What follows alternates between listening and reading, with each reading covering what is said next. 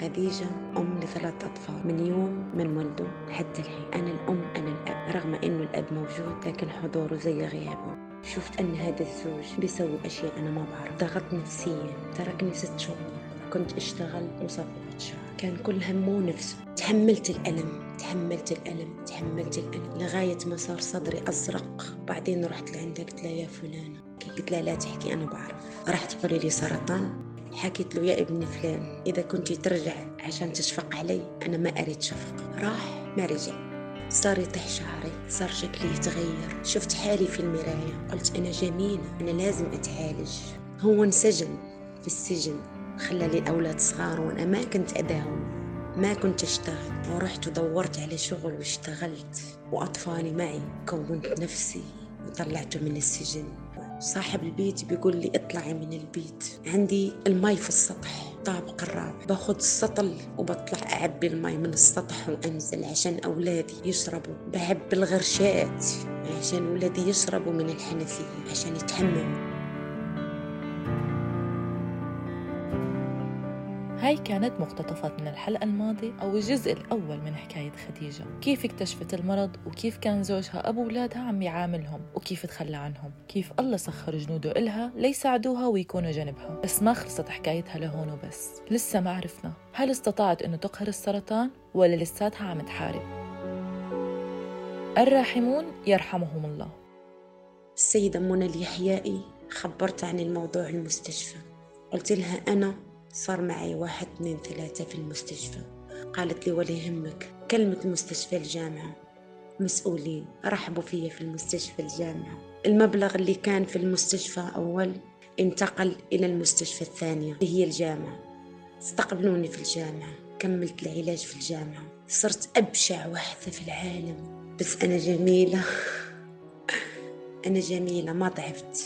كملت المشوار. صرت أروح المستشفى الحالي. وأجي لحالي. عشان ما أغلب أغلى صديقة عندي في الدنيا ما أغلبها كمان هي عندها مسؤوليات عندها شغل. صرت أخذ في الجامعة أمشي أمشي أمشي. كل كل أسبوع أروح أخذ في الجامعة. لدرجة إيدي ما صار فيها عروق. لدرجة كانوا يدزوا الإبر في, في إيدي وأقول لهم دوروا على العرق. وين كان؟ حطوا أي مكان. أهم شيء أخذ الجرعة. مش مهم. كنت أبكي. الحمد لله. كملت 18 جرعة ولله الحمد. قبل ما نكمل الجرعة اتصل علي بهوان المكتب. قالوا لي إحنا حطينا لك مبلغ في المستشفى عشان أكمل به كملت. الحمد لله. أجاني الخبر. كنت قاعدة مع أولادي. فرحت لما خلصت الجرعة. ناضلت هدفها لخديجة؟ هدفي هو إني أكون مع أولادي. أنا أمهم أنا أبوهم. أنا كل شيء في غربة. وفجأة؟ أسبوع تقريبا. ارتحت نفسيا شوية. أجت صديقتي. بالليل بتقول لي كيفك أخبارك كيف صحتك؟ الحمد لله. أنا كويسة. بتقول لي بكرة المستشفى بتسوي عملية. هنا كان الخبر قوي علي. قلت لا كيف؟ أنا ما مستعدة يعني ما مسوي ما ما عندي شيء وبكرة وأولادي قالت لي ما مشكلة. إحنا نروح الصبح. كان عندنا الحضر. بالليل ضميت أولادي كلمتهم نيمتهم في حضني جهزت شنطتي. كان تقريبا أربعة أيام رمضان أربعة أيام رمضان. أيوة جهزت الشنطة قمت الساعة ستة الفجر صليت قلت ربي أنا ما عندي حد في الدنيا غيرك. أولادي ما عندهم حد غيرك. أنا رايحة. المهم أنا ما أريد شيء في الدنيا يا رب. غير صحتي ترجع لي وأكون مع أولادي. صحيتهم ضميتهم قلت لهم أنا رايحة أنت يا شهلاء وأنت يا حوراء بتروحوا عند خالته وعاهد وديته عند صديقتي كمان وزعت أولادي اللي كان الأب هو أولى في أولاده. قبليها اتصلت على أهلي خبرتهم أنا عندي عملية بس لا تخبروا أمي. أمي كبيرة في العمر. لما أفتح عيني بعدين أنا بخبرها. وعدوني لا تخبروها. وإذا مت الله يرحمني. أولادي عندكم. تصرفوا. الأب هو السند. لكن خديجة كانت الأم والأب والحنان والحياة بحياة أولادها.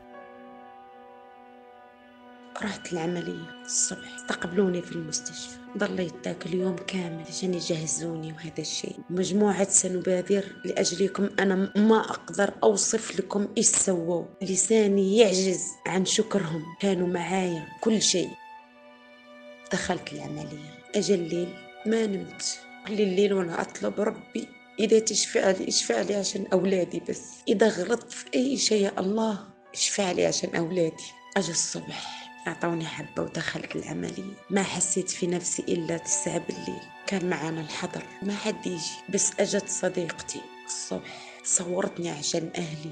ونجحت العملية الحمد لله. أول ما صحيت كلمت أمي. أول ما شفتها قلت لها أنا سويت العملية أمي. هاي برضاكي أنت وبرضا ربي. في اللحظة اللي خبرتها سويت العملية طاحت. عمرها 85 سنة. صرت أنا خايفة عليها تموت. خفت من الصدمة. الله ما خلاني لحالي. الله قواني. الله أعطاني القوة. الله أعطاني الصبر. تحملت.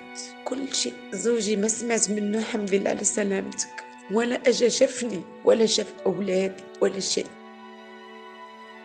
ضليت 16 يوم في المستشفى في رمضان. صرت أنا أقوم شوي شوي أتمشى في المستشفى أتكلم مع الممرضات تعرفت على ناس في المستشفى صرت نساعد ناس في المستشفى. اليوم 17 قالوا لي انت بتطلعي لأنه كان فيا كثير مي لازم هذا المي ينشف. جيت البيت طلعت من المستشفى وأنا يمكن كان على الاذان بعت رسالة لواحدة بنت هما كمان صديقاتي. قلت لها أنا في الباب المستشفى. أريد حد يوصلني البيت. اجت ركض قالت هي تو بجيك ولو وين أكون بجيك؟ جت شلتني من الباب المستشفى. وصلتني البيت.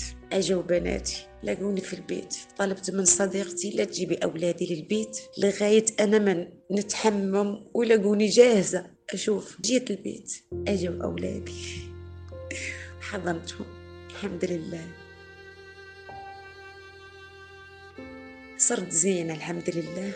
بعدين اتصلوا علي المستشفى قالوا لي انت لازم تاخذي اشعاعي ورحت عندهم. كمان راحت معي صديقتي. رحت لعندي مستشفى قابوس الجديد صرت أسوي الإشعاعي عندهم خمسة وعشرين جلسة. أجا وقت الحساب. قلت لهم أنا من وين أدفع هذا الإشعاعي قالوا لي هذا إلك. ببلاش أنت كنت أول واحدة تاخذ إشعاعي في هذا المركز قابوس الجديد وهنية لك كملت خمسة وعشرين جلسة. آخر جلسة احتفلوا فيا. وأخيرا.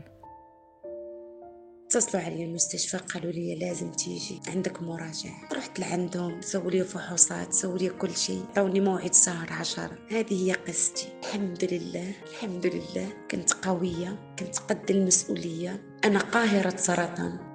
والحمد لله الحمد لله الحمد لله. وأنا بشكركم بشكر كل الناس اللي وقفت معي وبشكر كل الناس اللي ساندتني وبشكر كل الناس اللي دعمتني وبشكر كل الناس اللي قالت كلمة في حقي. بشكرهم كلهم. الحمد لله رب العالمين. إنه عافاني. اللهم عافيني وعافي كل المسلمين يا رب.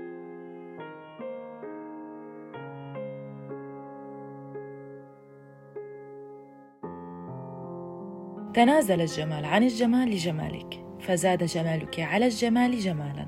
المرأة الحديدية الجميلة. مهما كان شكل ما تتحولين إليه فأنت الأجمل.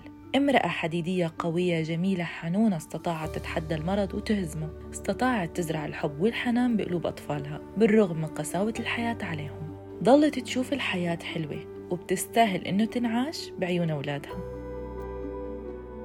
هاي كانت حلقتي لليوم من بودكاست حكايتي مع السرطان. كنت معكم أنا غيداء مراد آغا. استنونا بأمل جديد وحكاية أمل جديدة.